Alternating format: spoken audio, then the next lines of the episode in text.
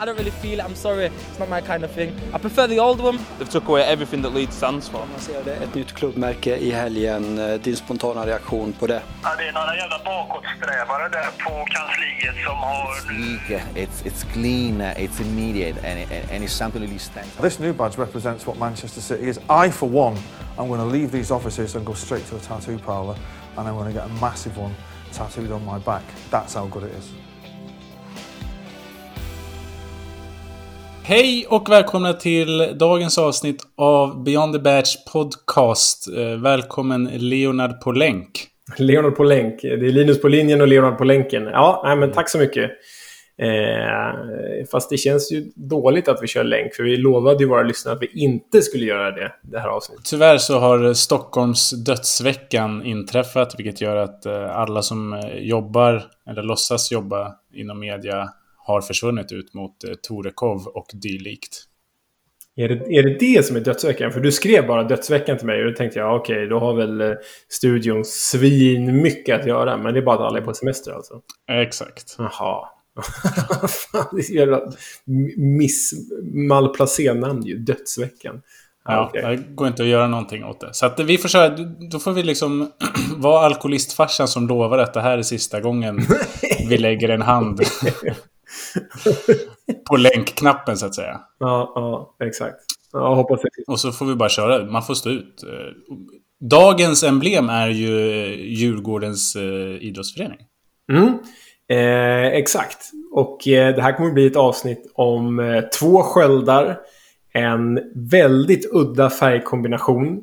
Vi kommer eh, tröska igenom lite tidig 1900-talspoesi, svenska bragdguld och elefantism. Oj. Det låter superintressant. Jag tänker mig att eh, vi skulle kunna... Vi skulle kunna börja först med ett eh, slags eh, nyhetssvep.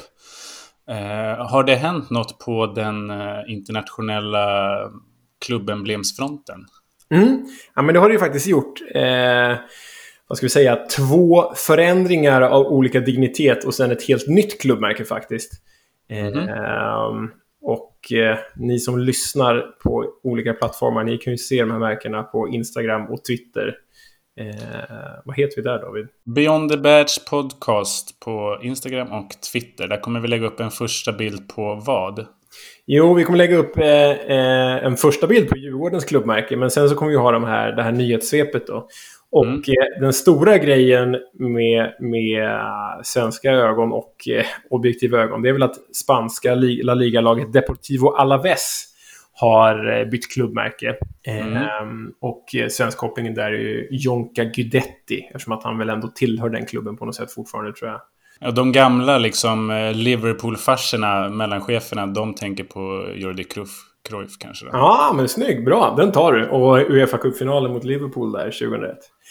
Eh, Ja, ja. Men grejen med Alaves, det är väl att eh, de har ju eh, i nästan hela sin existens varit representerade av en vimpel, som många andra eh, klubbar är, som Deportivo La Coruña till exempel. Men den här vimpeln har ju varit så här härligt unik i sin klippartighet. Jag vet inte, var det Hampus som skrev att man kunde lägga till sån där brush-effekt? Eh, Mm. Han sa det i vår chattgrupp att det där går ju att göra på liksom eh, sin iPhone med eh, heter det, verktygen man har i telefonen. Just det, just det. Och det emblemet har de nu försakat eh, i och med att de fyller 100 år nästa år och då lanserar de ett nytt klubbmärke lagom till det jubileumet. Och då är det här nya klubbmärket, det är ju eh, fint i sig att de eh, behåller eh, historia och tradition genom att de behåller vimpen i det här klubbmärket. Men som ni kan se på Instagram och eller Twitter så är det ju väldigt generiskt. Det ser ju väldigt mycket ut som Manchester City, som Chelsea, som Brentford, som Bristol City. Det är den här cirkelformen, cirkelmallen och sen är Alaves vimpel mitt i det. Och jag vet inte vad du tycker David, men jag tycker väl att ja, det är snyggare, men det är ändå ganska själlöst för det ser, de ser ut som alla andra nya klubbmärken. Ja, det ser ut som en, ett simborgarmärke för det är som en livboj med en vimpel i bara. Så att, eh, den, den är lite trött på det sättet. Men eh, jag håller med dig, för du pratar ofta om att det är viktigt att eller du tycker om när man håller fast vid tradition och kultur och sånt. Och det gör de väl å ena sidan här. Å andra sidan så man blir inte blöt i trosan precis när man ser den här. Nej, nej det, är nog, det är nog tvärtom. Eh, skulle jag säga. Har vi någonting annat som har hänt på den fronten? Mm, vi har ju lite mer obskyrt så har vi danska FC Helsingör. Är det dit folk liksom, vad säger man när man turar från Helsingborg eller? Ja, exakt. Du turar, då åker båten över, det tar typ 20 minuter. Eh, du köper en jäkla massa plattor och bärs och så åker du tillbaka. Mm. Eh, men precis, de spelar där och har haft ganska många svenska spelare nyligen. Var uppe i danska högsta ligan för något år sedan. Och nu tror jag att de har återvänt till andra divisionen. Vad har de eh, gått ifrån? eh, Vad har de haft då, så att säga, om vi börjar den ämnen? De har haft ett hiskeligt och alla, eh, i alla idrottare, alla utövare av den här sporten får ursäkta, men de har haft ett hiskeligt och stereotypt innebandymärke. Mhm. Med så här, du vet, Word-rubriktext och eh, färger och konstig färgpalett, skuggor och... Nej, men det, det känns, andas väldigt mycket typ eh, mellanstadiet för, med, för egen del, typ 1997 liksom. Geografi, skolarbete, årskurs 6. Ja, precis. Exakt. Ja. Och det har de uppdaterat och bytt till en sköld med en krona och ett H där själva... Vad, vad kallar man mittendelen på H? Det som håller ihop H-ets pelare, man ska kalla det. Ribban, så att säga. Ja, men ribban. H-ets ribba är vågor eftersom att Helsingör är en hamnstad. Och det är ju inte otroligt snyggt. Det är det absolut inte. Det ser mer ut som ett stadsvapen eller ett kommunvapen kanske. Ja, Jag kan ha fel här nu, för jag har turat för kanske några år sedan och jag vill minnas att jag såg just det här H där då. Och det kanske är den tydliga kopplingen då till Helsingör. Exakt. Exakt. Ja. Snyggt. Bra, du har turat där. Ja. ja, nej, men det, det är ju bättre än, än föregående emblem. Men lite tråkigt. Men eh, Mm. absolut en uppdatering. De har en krona högst upp också. En krona, exakt. Ja. Och det passar väl bra i övergången till det tredje emblemet som har hänt. Det har ju varit lite big happenings på andra sidan Atlanten. Dels har ju NHL-laget Seattle Kraken lanserat ett nytt klubbmärke som jag tyckte var väldigt häftigt. Men det ska inte vi prata om för det är en fotbollspodd. Men Mm den blivande MLS-klubben Charlotte FC har presenterat ett klubbmärke. Okej, och de är helt nystartade? Eller har de Helt bara bytt? nystartade. Ja, Helt okej. ny, nya, ny franchise som börjar spela 2022 tror jag MLS. Och de har då skapat ett klubbmärke som ni alla kan se på, på våra eh, plattformar. En, en, ja, men precis som Deportivo Alaves och Manchester City och allt vad de heter. En cirkel, en rund cirkel som basplatta igen. Med namnet utskrivet Charlotte Football Club. Och mitt i har vi en vit krona mot blå bakgrund. Det blir ju när, när, om man ser det här så blir det lite en sammanslagning av eh, Deportivo Alaves och Helsingör. För att de har tagit Deportivos liksom rund cirkel och sen så har de tagit kronan från Helsingör. Och sen har de det här blåa svarta som både Deportivo och Helsingör har. Exakt. Men det ser väldigt trist ut när man tittar på det. Men symboliken är faktiskt ganska bra här tycker jag.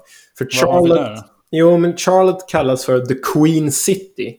Eh, för staden är döpt efter den engelska drottningen innan, eh, det här, ja, innan amerikanerna gjorde uppror då mot engelsmännen med Boston Tea Party och allt det där.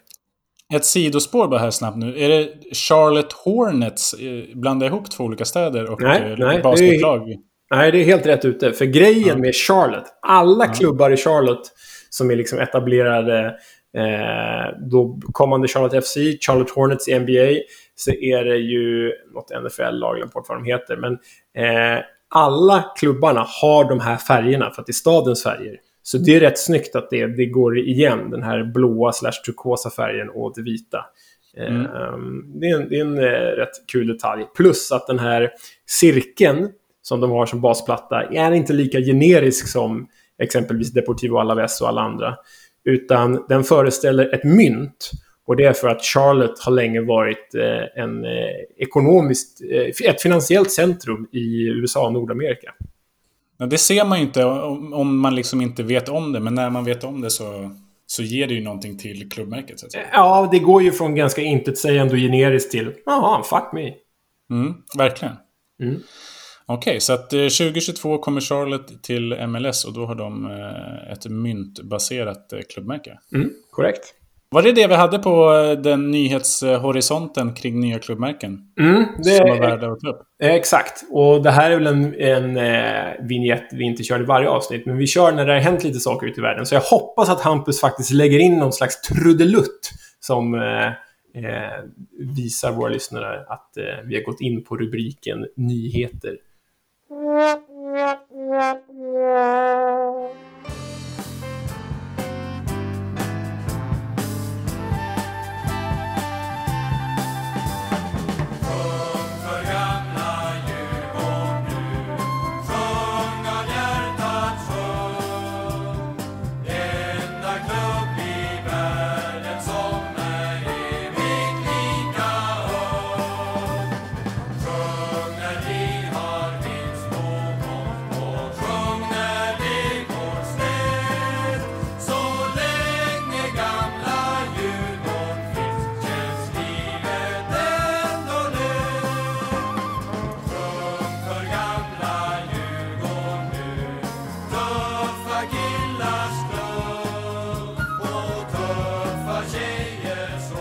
För gamla Djurgården. Vad har du för eh, konnotationer till den? Egentligen inte jättemycket. Jag menar, eh, uppväxt norr om Stockholm där jag är uppväxt så är ju majoriteten av eh, mina barndomskompisar, de är ju antingen djurgårdare eller AIK-are. Så är det ju. Så den låten har jag ju hört otaligt massa gånger. Dels i min ungdom när man tvingats med på massa Djurgårdsmatcher. Och dels för att jag har gått på massa matcher i mitt yrke också. Eh, och jag tycker... Jag bara får pausa dig där, Ja. att återkomma. Men du, du nämner ditt yrke. För folk som har lyssnat kontinuerligt så vet man att du jobbar med eh, fotbollssändningar på Dplay i vanliga fall. Nu är du eh, föräldraledig. Du har nämnt för mig, och det här kan ni också få veta, att, att ni får väldigt mycket slack eller skit om ni inte sänder, var det Liverpools You Never Walk Alone? Mm.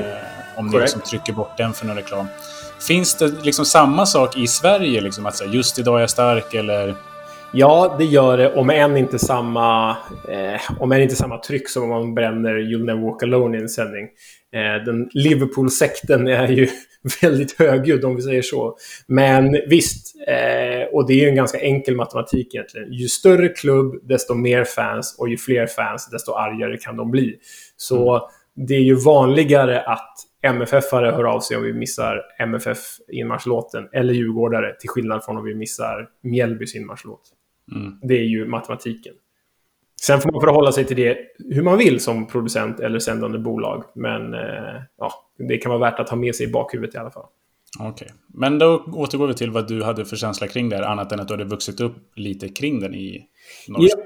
Ja, ja nej, men alltså, i och med att jag blivit påtvinga den i både yrke och kompiskretsar så är det, det är en, mäktig, det är en bra, en bra inmarschlåt. Mäktig. Den, den, inte för att den ger mig några rysningar, som att jag inte har någon, någon sån eh, subjektivt förhållande till Djurgården som, som vissa andra har. Men, men, eh, nej, men den, det var en härlig dänga. Inte bäst, men inte kass heller. Du då, som djurgårdare? Ska vi outa det? Nu, du, har ju, du har ju liksom smugit fram det här några gånger under våra avsnitt, men ska vi bara outa det rakt upp och ner? Att eh, David som ska göra ett eh, opartiskt och eh, journalistiskt objektivt avsnitt idag om Djurgårdens klubbmärke är alltså Djurgårdssupporter. Ja, det får vi. Alltså, jag har ju fått en del sms från vänner och sånt som i- har fått av sina vänner som har frågat vad fan vi håller på för lag, du och jag egentligen. Eh, mhm. och, men det är väl, ja, ja, jag är djurgårdare. Det är som att vara på anonyma alkoholistemöter här, men... jo, så är det. Ja. Men jag känner, eh, alltså... Som, om jag ska säga det från supporterperspektiv, så har det, liksom, det har varit så himla... Eller, jag, jag känner ju att jag gillar den här låten. Eh, jag tycker om den och att den ger mig liksom eh, kraft att ställa mig upp 15 sekunder innan avspark. Men jag tycker också att det finns... Jag har inte samma inblick i andra klubbar förstås, men det finns ju fler. När jag började liksom åka på bortamatcher och, och liksom som 18-åring och hade liksom såg ut som en klättervägg i ansiktet, då var det, liksom, då var det jättemycket med Coca-Carola. Vet du vilka det är? ja, rött för blodet genom hjärta och ven. Den tror jag att vi kommer återkomma till lite senare i avsnittet faktiskt. Mm, och då, deras kanske mest kända låt är ju Min tröja. I alla fall, de fick ju göra det här 98, Åkersberga-gäng. Den spelades jättemycket där i början på 2000-talet, vill jag minnas, när man satt i Kalmar och du vet, låtsades tycka om öl och sån skit. Ja, det gör jag fortfarande. Men sen så har det också varit Emil Bergström, kommer du ihåg den? Ja, Filuren. ja. Han sitter på bänken i Basel numera. Ja, han är utlånad va, från... eh, Är det Kas... Jag tror han är utlånad från Kas... Vad är det? Rubik Kazan? Eller Ja, just det. Ja, just det. Så är det. Ja. Han i alla fall, det var ju en liten grej här internt om att... Eh, Dembo hade liksom hållit... Jag, jag frågade på, Inst, eller vad heter det, på Twitter ifall det var någon som visste någonting mer om eh, den här Djurgårdslåten, segerlåten som eh, spelarna har efter match när de sjunger Kamela Kamela Westa.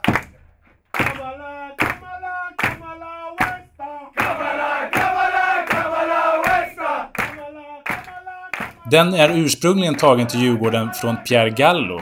Jaha, gamla, gamla, som jag känner honom, IK Frej Pierre Gallo. Exakt. Han har ju varit... Han har ju noll liksom skum... Eller, eller heter det? Skam i kroppen för vilka Stockholmsklubbar han har spelat. Han spelar i Frej, Djurgården, AIK. Han har tränat Djurgårdens damlag, AIKs damlag och nu tränar han Hammarbys 05 tror jag i deras akademi. Ja. Så he's been around. Men enligt legenden, eller vad jag har förstått det som, så var det han som tog den till klubben som någon intern grej. Uh, och sen så var det liksom Padem Boturay som höll i den där med liksom en lingonsyltburk som han trummade på efter varje match de hade vunnit. Och sjöng den här Kamala Westa. okay. För att koppla åter till Emil Bergström, så när han kom upp i Djurgårdens A-lag och började spela där så, så har han sagt i en intervju att han, kände, han och flera andra i laget kände liksom inte att de hade den där... Ja men, vad ska man säga? Att de hade någon anknytning till Kamala Westa, så då ville de byta låt. Och i och med någon sån här supporter-jippo eh, så gjorde de om eh, Britt Bergströms låt Blå blå i kärleken som även har varit en Pripps Blå-reklam.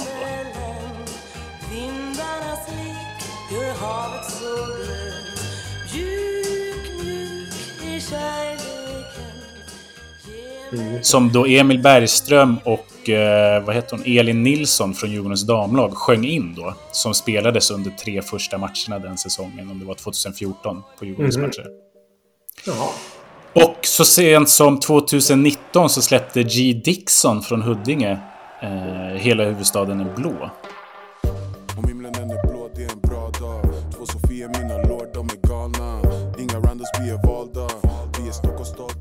Ja, det, här är, det här är en hel diskografi du bara droppar här. Jag... ja. ja. men den tycker jag ändå är ganska bra, den låten. Och då är jag ändå ganska... Ja, den, jag, jag, jag, jag kan inte riktigt placera den. Hampus får spela upp den här. Jag är, jag är lite lost.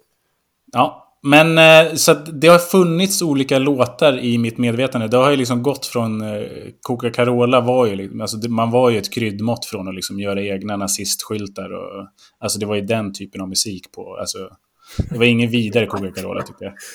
ja, men det var lite det här ultimatur... Eller det var inte ultimatur, det var liksom det var ju ganska harmlöst eh, halvrockigt, men i mina öron så var det skit. Liksom. Ja, och jo, jo. Emil Bergströms Blå blå i kärleken tyckte jag också var skit, men G. Dixon tyckte jag var lite bättre. Men det kanske har att göra med att jag lyssnar mer på sån musik. Ja, vi får tagga in Emil Bergström här i det här avsnittet och se vad han säger.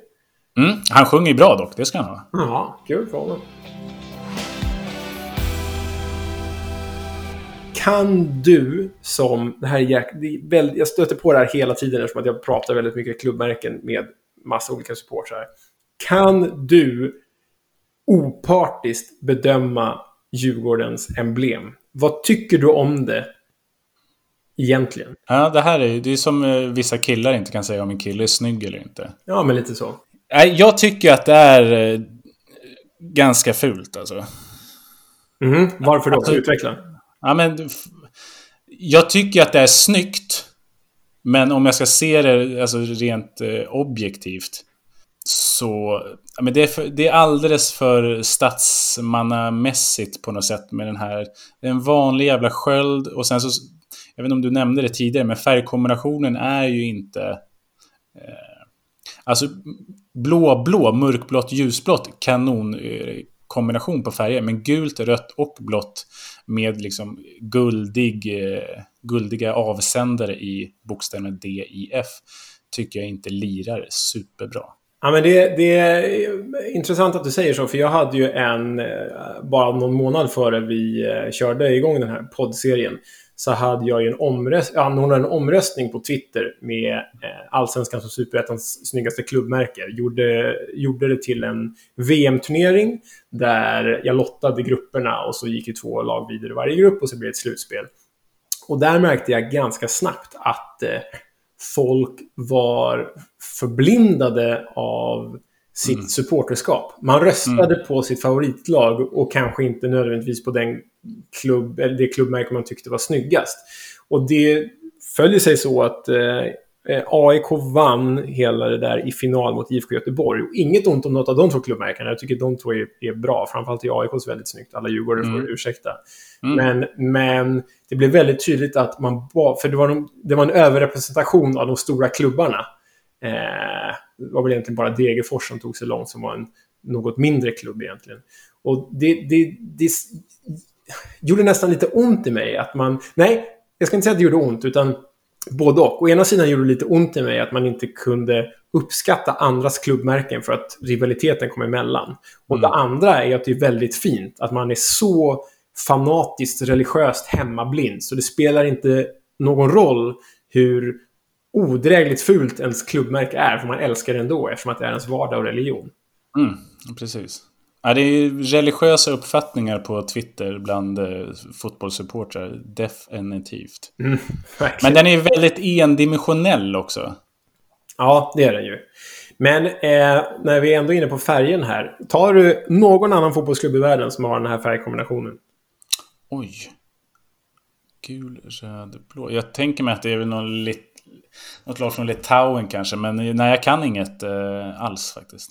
Om jag inte missar eh, med mitt slagträ här så skulle jag säga att den mest kända klubben med den här färgkombinationen, förutom Djurgården, är ghananska storklubben Hearts of Oak. Och faktum är att jag sitter i min som tröja just nu bara för att komma lite Oj. i stämning. Det måste vi lägga upp på eh, Instagram och Twitter då. Ja. eh, Ghananska. Hearts of Oak, de kör, de kör de här ränderna också.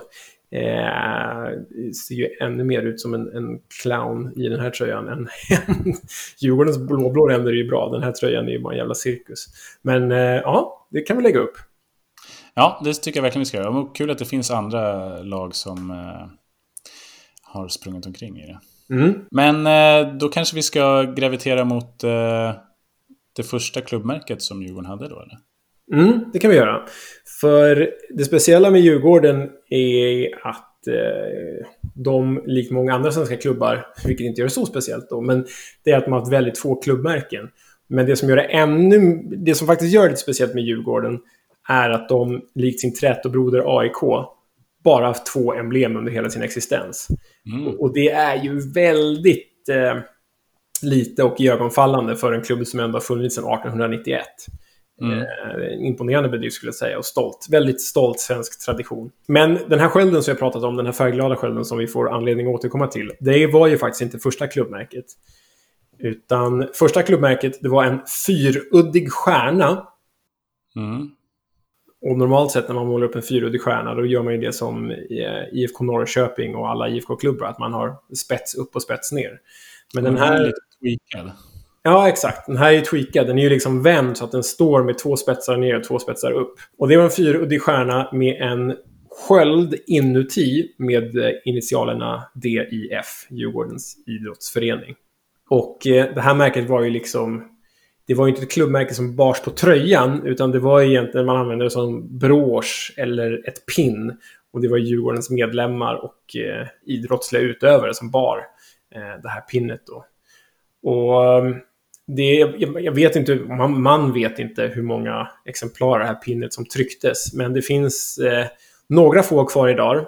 idag. Bland annat i pokalrummet på Stadion, Stockholms stadion, så eh, finns ett sånt här pin att beskåda för allmänheten. Så det har jag aldrig gjort, men det borde man nästan göra faktiskt. Okej, så att den här var den som liksom kom till 1891, 12 mars, om jag minns rätt, eh, när de grundades.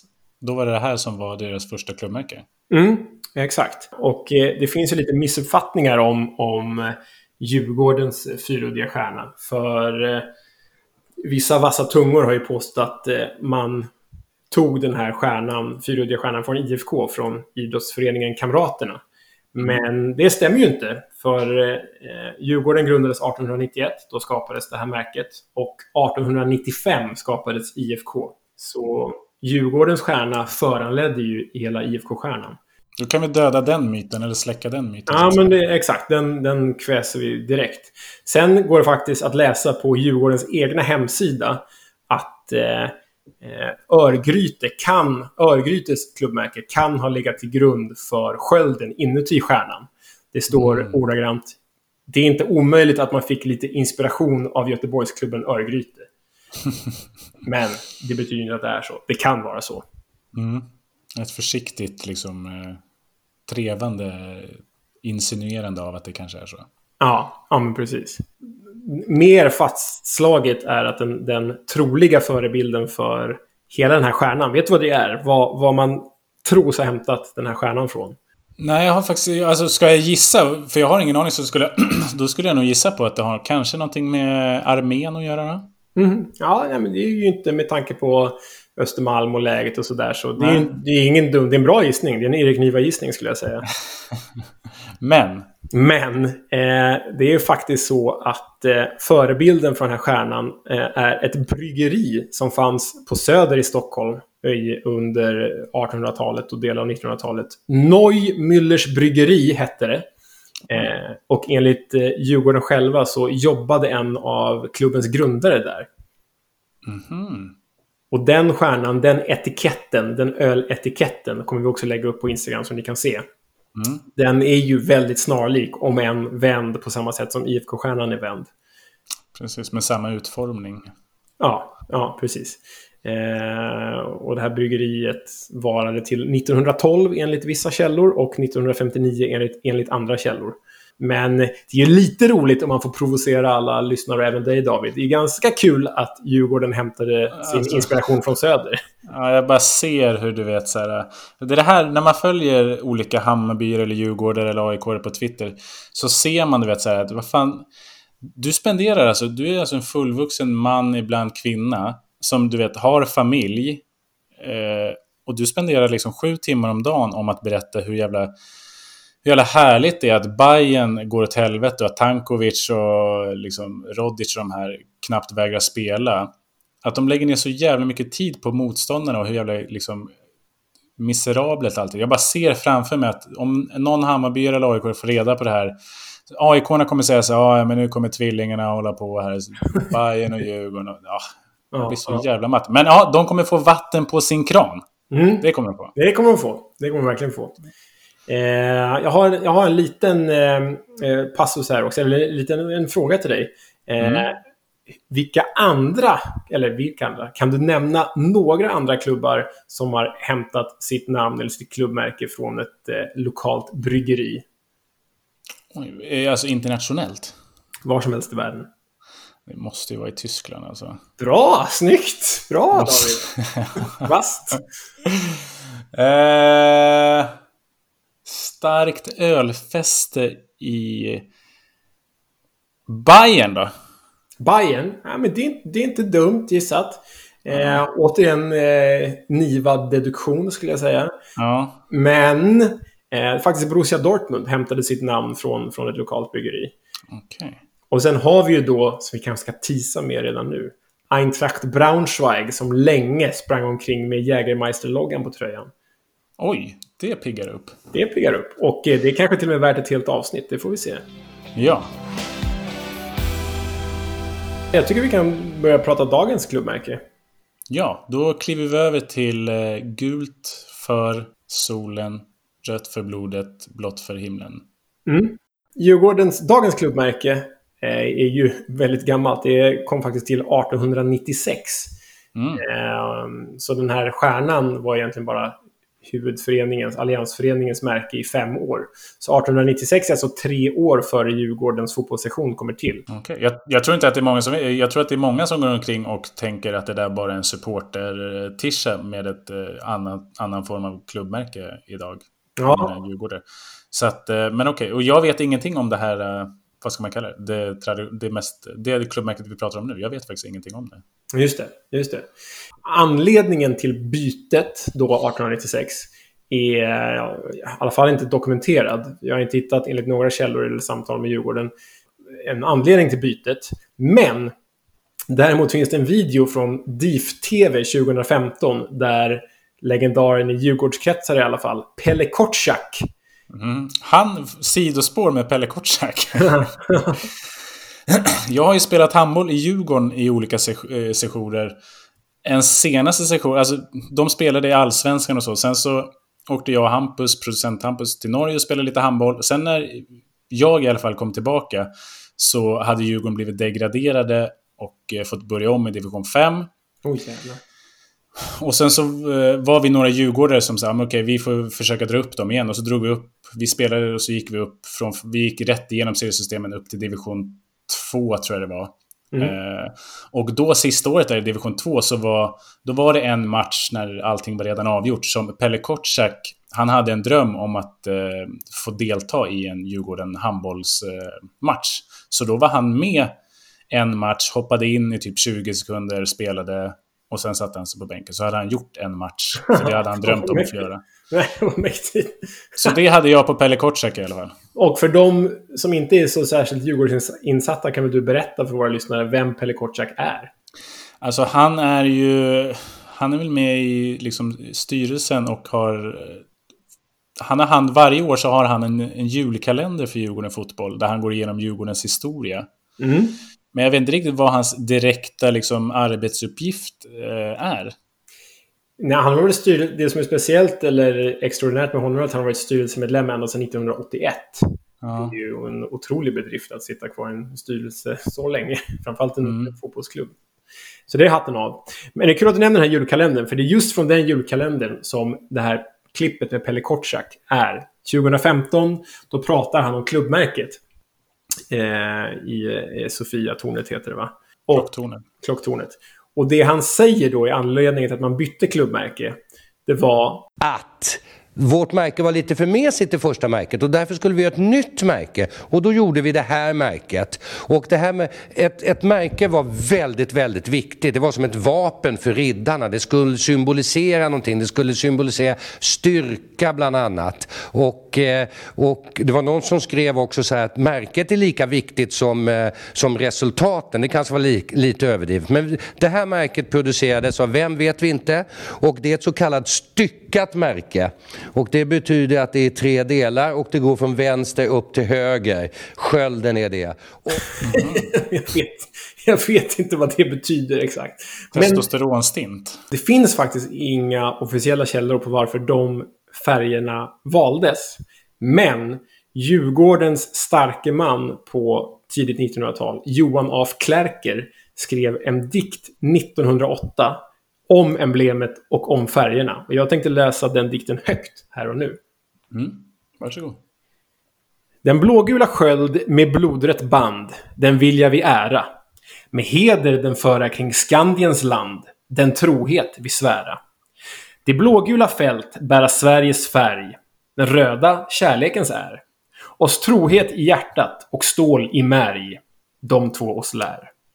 Den tredje oss binder med oslitlig Fan. Den tredje oss binder med oslitliga band, djurgårdare alla. Den skölden, den lär oss älska vårt land, att stå eller falla. Och sista stycket där, det är ju väldigt nationalromantiskt som du hör. Mm. Älska vårt land, stå eller falla. Men det är ju, det är ju en dikt av hans tid också. Det är ju 1908 det här. Precis. Eh, men framförallt är ju dikten ett förtydligande om vad färgerna står för. Gult och blått för svenska flaggan och rött för kärleken. Trots att Coca-Carola säger någonting annat. Vi har ju pratat tidigare om, eller du har ju pratat om avsändare. Det är en otroligt tydlig avsändare här i klubbmärket. Eller? En extremt tydlig avsändare. Och om man använder Alliansföreningens märke, då har man även det som står runt omkring skölden. Det här med Djurgårdens IF, alltså texten runt. Då är den ju mm, superövertydlig nästan. Mm. Men eh, jag tänkte att vi ska fastna lite vid den här Johan af Klerker som skrev eh, den här dikten. Då. Mm. Eh, för han var sekreterare i Djurgården och eh, redaktör för klubbens medlemsblad. Och så var han faktiskt, hör och häpna, instiftare av Svenska Dagbladets bragdguld. Oj. Det var han som skapade bragdguldet. Alltså det bragdguld som delas ut än idag, som är ja, bland det största och finaste en svensk idrottspersonlighet kan få. Ju. Intressant. Och han var, förutom att han, alltså parallellt med hans roll i Djurgården, så var han sportchef på Svenska Dagbladet. Men där han skrev under pseudonymet Klehan af Jorker. det är jäkligt märkligt. ja, det är faktiskt. Det är lite som Remarks på västfronten, inte ett nytt, men... Äh. Ja, fast med en Men okej. Okay. Så han liksom kladdade där lite inkognito? Mm. Ja, eh, ja, exakt. Det var väl inte så inkognito. Det, jag tror att det känns mer, av det jag läser känns det mer som att det var en rolig grej. Bara att han bytte Mm. till Klehan av Yorker istället för Johan av Klerker. Men en detalj med honom, det är att han faktiskt led av skelett-elefantiasis. Jag tänkte säga att han har ju otroligt stor mun. Mm. Alltså, den, jag är inte jätteinläst på den här sjukdomen på något sätt. Men det gav honom tydligen gigantiskt huvud och enorma händer. Vilket gjorde honom till en ganska duglig fotbollsmålvakt tydligen. Okej. Ja, okej. Ja, jag vet inte heller så mycket om just den eh, sjukdomen. Men om man ser på bilden på Instagram och Twitter av eh, Klerker här så kommer man se att... Eh, Big guy. Ja, han är ju ett kryddmått från att kunna vara med på cirkus nästan med det där ansiktet. Ja, ja, verkligen. Skulle kunna vara en karaktär i eh, Big Fish för alla som har sett den. Jag har missat den. Ah, va, kolla på Big Fish, David. Ja, det ser jag på. Ja. Men är vi klara med Johan af Klerker? Ja, för grejen med Djurgården är ju eh, precis, som- precis som när vi hade vårt avsnitt med AIK då, att Skölden är orörd. Visst, man har haft Alliansföreningen då när det är texten runt omkring Skölden. Men Djurgården fotboll, för Djurgården fotboll så är Skölden tämligen orörd. Man har väl haft nyansskillnader i färgerna. Eh, och det är ju jag som är liksom fotbollstraditionalist och fotbollsromantiker tycker det är väldigt härligt att man bevarat det här märket så länge. Alltså det är från 1896. Mm. Så hatten av Djurgården, bra jobbat. Däremot Mm. så eh, tallade man ju på emblemet Djurgårdens hockeysektion. Och det vet inte jag om du kommer ihåg, eller om du ens är hockeyintresserad. Jo, men jo, det är jag. Jag eh, har en god vän, Mikael Allén heter han, som har spelat i Djurgården Hockey och är någon form av eh, fansens favorit i den klubben. Men jag vill minnas att var det inte massor med lag i Djurgården, eller liksom i eh, SHL som bytte för att det skulle bli lite som NHL? Att man gjorde någon form av, du vet så här, ja men Frölunda Indians, Malmö Redhawks, Djurgården Lions. Luleå Bears, eh. Brynäs Tigers, var det så? Var det Brynäs Tigers? Det var något sjukt med Brynäs fall. Eh, och Timrå Red Falcons? Nej, Tim, Timrå... Ja, whatever. Ja, men det stämmer. Det var ju liksom hela den här amerikaniserade trenden drabbade ju eh, elitserien hette det på den tiden. Och man skulle ha eh, Färjestad Wolves hette de, eller hur? Mm. Ja. Och Det här har hängt kvar än idag på till exempel Luleå Bears för bara något år sedan va? och, och Frölunda Indians än idag. Det ska bli jäkligt spännande att se vad som händer med det där om de faktiskt går tillbaka till Frölunda bara. I och med den politiska tangentens riktning, tänker du på eller? Ja, ja precis. Men Djurgården då, de, eh, 1996 så bytte hockeysektionen då tillfälligt namn till Djurgården Lions, eller namn. De skapade i alla fall all den här merchen med Djurgården Lions. Och eh, Alltså Eh. idag så kan man ju bara, om jag får avbryta här. Om man ser en, en merch idag så ser man ju liksom en urtvättad grå beige, eh, som var från början då vit tischa.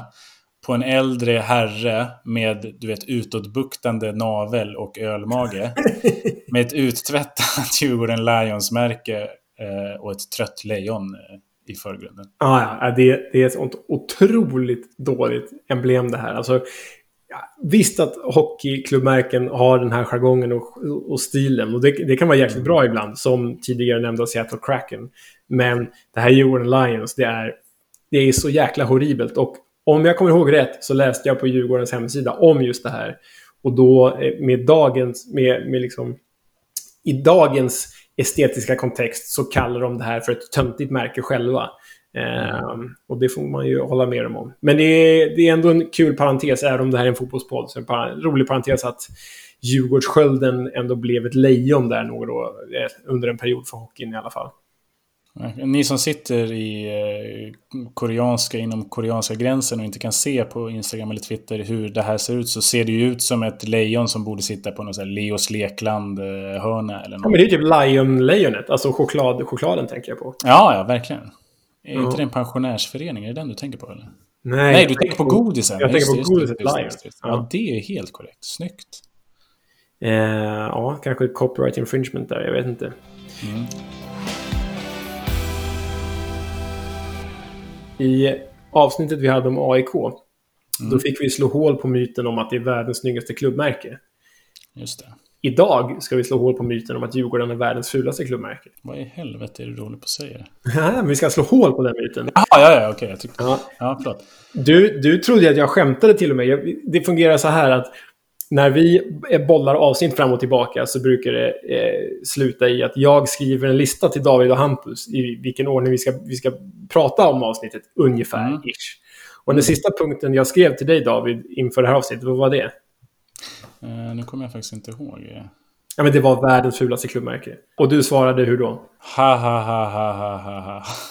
Du trodde, du trodde alltså inte att jag var seriös? Men, Nej, jag trodde det var ett skämt för att du visste att jag var djurgårdare och tänkte bara att du skulle jävlas lite. Ja, men faktum är så att för bara eh, två år sedan var det va, när eh, Leeds släppte sin styggelse som vi pratade om i avsnitt nummer fem, om jag minns rätt. Mm. Så började det figurera en bild på sociala medier, främst på Twitter, där Djurgården tillsammans med klubbar som Benevento, Sheriff Tiraspol, Red Bull Leipzig och Burton Albion rankades bland världens 21 fulaste klubbmärken. Det är ingen rolig skara att vara i. Nej, det är ingen rolig skara, skara att vara i. Och eh, eh, den här tog lite fart, den blev inte jättestor, men det var ju några hundra likes och några ett gäng retweets och sådär. Eh, och eh, folk började håna Djurgården för det här. Då. Wolfsburg med bland annat tror jag också. Mm. Nürnberg, Napoli. Riktigt fula jävlar. Men eh, faktum är att det är en, det är en fake. Det är, det är bara påhittat allting. Jag kan Så- fan inte lita på någonting på internet längre. Nej, nej, det går inte. För den här listan, jag hade redan läst den här listan. Och det var ju den eh, enorma eh, engelskspråkiga tidningen 442 som gjorde en lista över de 21 fulaste klubbmärkena. Och Djurgården var inte med där. De var inte med på den listan. Men på den som har gjort den här bilden så har man klippt ut, jag vet inte vilket emblem, och satt dit Djurgårdens istället. Eh, Det är de här jävla trebarnsfarsorna i Västerhaninge som sitter och du vet, har alldeles för mycket tid på sina VVS-filmer och gör sån här skit. Exakt, det är precis, det är precis så. Och jag tycker väl att liksom banter är ju bra om det är på riktigt. Då kan Mm. det vara kul. Det här är ju bara lögn och dikt. Det är ju fake liksom. Fake media. Fake media. Så nej, där, kan, där kan faktiskt, eh, där håller Djurgården ryggen fri. Finns det någonting mer eller är det liksom det som är med Djurgården? Nej, men det mesta är väl sagt. Men eh, då tar vi och knyter ihop den här lilla kalopsen med eh, kryddpepparkorn ur grytan. Och så säger vi att nästa vecka så kommer vi att ha IFK Göteborg, Leonard. Vad har du eh, lite top of mind teaser cliffhanger på Göteborg? Mm, eh, Göteborg är ju spännande för att de är ju den senaste svenska elitklubben att eh, modernisera sitt emblem. Att gå i, eh, vad ska vi säga, den, di, gå de digitala kraven till mötes. Och sen Göteborg är ju spännande eftersom att de har brutit hela den här IFK-traditionen. Eh, så det blir ju två svenska avsnitt på varandra. Det har inte hänt förut. Super, men då får vi säga tack så mycket för att ni har lyssnat. Vi uppskattar som fan när ni interagerar på sociala medier och tycker och tänker saker. Eh, så fortsätt jättegärna med det och eh, tycker ni att det är bra så berätta för någon trött eh, polare eller arbetskamrat att fan den här podden med Rain Man Leonard borde du fan lyssna på. Så säger vi tack för den här veckan. Tack så jättemycket Leonard så hörs vi om en vecka. Tack själv Dave. Vi hörs.